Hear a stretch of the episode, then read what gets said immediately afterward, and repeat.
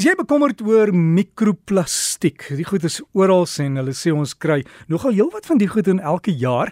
Maar wat gebeur in die see, die groot visse? Wat gebeur met al die plastiek wat ronddryf? Word dit opgelos? Is dit onskadelik? Ek weet nie, maar die mense wat die navorsing doen is by Noordwes Universiteit en ander universiteite reg oor die wêreld. Hulle deel inligting en professor Rialet Pieters het vir ons die navorsing gaan doen oor van die grootes in die waters. Rialet, goeiemôre. Môre Derek. Ja.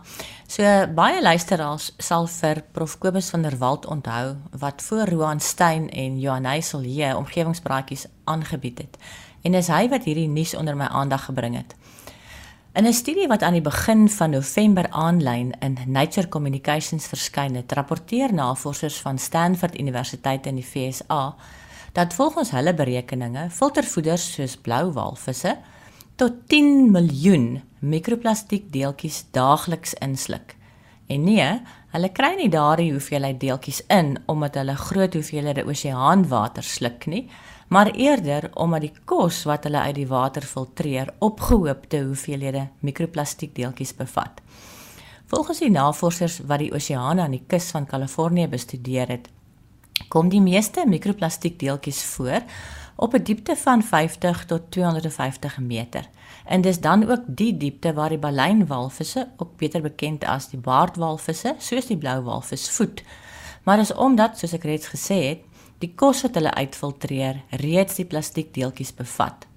Blou walvisse vreet so plankton soos die planktonkreefies en die eenoogkreefies of krul en klein visse. En dis die visse en die krul wat ook op hierdie dieptes dis nou tussen die 50 en die 250 meter voet wat eerste die mikroplastiek insluk want dis so groot soos hulle kos. Visvretende walvisse soos die boggelrige walvis kry ongeveer net 200 000 stukkies plastiek per dag in. Daar is al vir 1500 dierspesies aangeteken dat hulle gereeld plastiekstukkies insluk, veral dan nou mikroplastiek wat beteken dat dit tussen 0.001 en 5 mm groot is of mikrovesels wat enige iets van 0.8 tot 0.9 mm lank is en so 0.17 mikrometer in deursnee. Dis baie klein. Maar daar is nog nie regtig baie studies gedoen oor presies hoeveel mikroplastiek deeltjies daagliks deur die walvisse ingekry word nie. Daar's weliswaar bewyse dat mikroplastiek wel hulle weg tot binne in walvisse vind. Daar's mikroplastiek in die feses en die spysverteringsstelsel van walvisse gekry en ook van die chemiese verbindings waaruit plastiek bestaan is in die walvisspek gekry. Wanneer baleinwalvisse voed, neem hulle groot slukke of happe water en filtreer dan die voedseldeeltjie daaruit met behulp van die horingagtige plate of dan nou die baleine in die mond wat soos 'n sif werk. Die hoeveelheid kos wat enige individu inkry, hang af van die grootte van die hap en natuurlik hoeveel kere wat die individu per dag voed. Die navorsers van hierdie studie het ook nou nie walvisse gevang om te kyk presies hoeveel mikroplastiekdeeltjies in die walvis voorkom nie. Hulle het baie meer walvisvriendelike benaderings gevolg en gaan sommetjies maak met wat hulle wel geweet het of waaroor hulle redelik akkuraat kon spekuleer soos die hoeveelheid mikroplastiek in die oseaan om Kalifornië die diepte waar die meeste mikroplastiek voorkom die diepte waar by die walvisse gewoonlik voed die hoeveelheid water en kos wat per hap ingeneem sou kon word ensovoorts. Hulle resultate is dus gebaseer op goed gefundeerde skattings Nou, mense kan maar seker vra wat is dan nou die potensiële skade wat die mikroplastiek aan die walvisse kan aanrig? Die groter stukkies voer deur die spysverteringsstelsel en beland saam met die feses weer terug in die water. Maar baie klein stukkies, kleiner as 'n nanometer, kan die spysverteringsstelsel verlaat en selletjies binnendring. Behalwe vir die meganiese of fisiese skade wat die mikroplastiek kan aanrig, is daar die honderde skadelike chemiese verbindings waaruit plastiekdeeltjies bestaan, soos die talate en bisfenol A.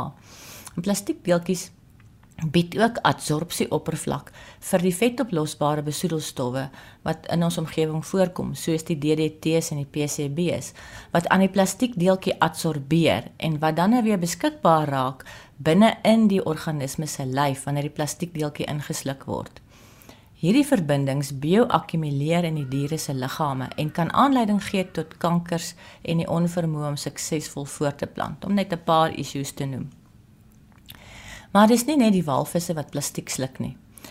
In 'n ander studie deur die Finne wat in Oktober vanjaar aanlyn in Nano Today verskyn het, het 'n laboratoriumstudie bevind dat slaai polistireen en polivinylkloried um, of PVC deeltjies wat 'n kwart van 'n mikrometer groot is, dis baie baie klein, uit die grond waarin dit geplant is en waarin die polistireen en die PVC deeltjies ingemeng is, opgeneem is.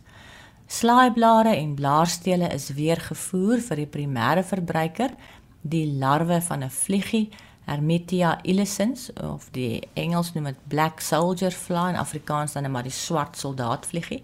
En die larfies is toe weer in die insek aan die insekvretende vis Rutilus rutilus wat tot die karpfamilie behoort gevoer.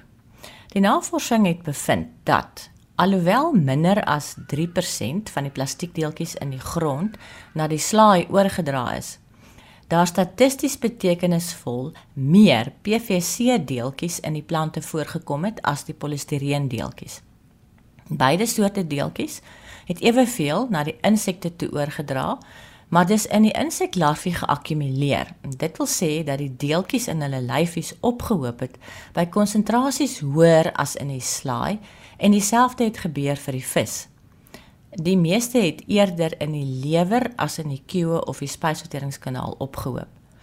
En as die mens die vis sou eet, sou ons die deeltjies ook inneem. Waar die walvisstudie 'n groot gedeelte modellering ingesluit het, het hierdie tweede studie empiriese bewyse gevind dat in beginsel daar trofiese oordrag van plastiekdeeltjies plaasvind. Weliswaar nou kleiner as die mikroplastiek van die walvisstudie, maar dit beteken dat Plastiekdeeltjies in die voedselweb van een organisme wat die kos is vir die volgende organisme oorgedra kan word. Plastiek beland dis nie net vanuit die grond of die water of die lug binne in die organisme totdat dit in ewewig verkeer nie, maar dit kan ophoop binne in 'n organisme en na die prooi van die organisme oorgedra word in toenemend hoër wordende konsentrasies, soos wat dit hoër op in die voedselweb beweeg. Navorsing wat deur die navorsers van die NWU en aan die Universiteit van KwaZulu-Natal het al bewys of navorsing het al bewys dat groot hoeveelhede mikroplastiek in beide die varswater en seewater van Suid-Afrika uh voorkom. Dis ons omgewing is aan dieselfde soort stres onderworpe as die wat die buitelanders bevind het in hulle omgewings. Reuters berig oor 'n studie deur die Ellen MacArthur Stichting van die Verenigde Nasies se ehm um, en die Verenigde Nasies se omgewingsprogram of UNEP dat groot besighede wat gaskoeldrank en kosprodukte verpak meer enkelgebruik plastiek benut ten spyte van hulle voorneme om teen 2025 net herwinbare en komposteerbare plastiek te gebruik. Aan die einde van hierdie maand ontmoet die Verenigde Nasies in Uruguay om te onderhandel oor die eerste wêreldwye plastiekooreenkoms of konvensie. Die doel van hierdie konvensie is vir al die lande in die wêreld om te probeer om die toenemende plastiekbesoedeling hok te slaan. Ons het fotos van die baleinwalvisse wat aan die Suid-Afrikaanse kus voorkom op omgewingspraatjies se Facebook bladsy geplaas. Hierdie diere is waarskynlik ook aan die mikroplastiek vanuit ons oseane blootgestel. Rialet baie dankie vir daai inligting. Ons maar minder plastiek gebruik. Ek sê hoe kan my glasbottel vol water wat hier staan en vergeet maar deesdae van die plastiek. En as jy wil kontak maak, soos jy hoor jy daar omgewingspraatjies soos 'n Facebookblad, sal ook op die Breakfastblad verskyn. Jy kan daarvan af met Rialet kontak maak. Sy is betrokke by Noordwes Universiteit.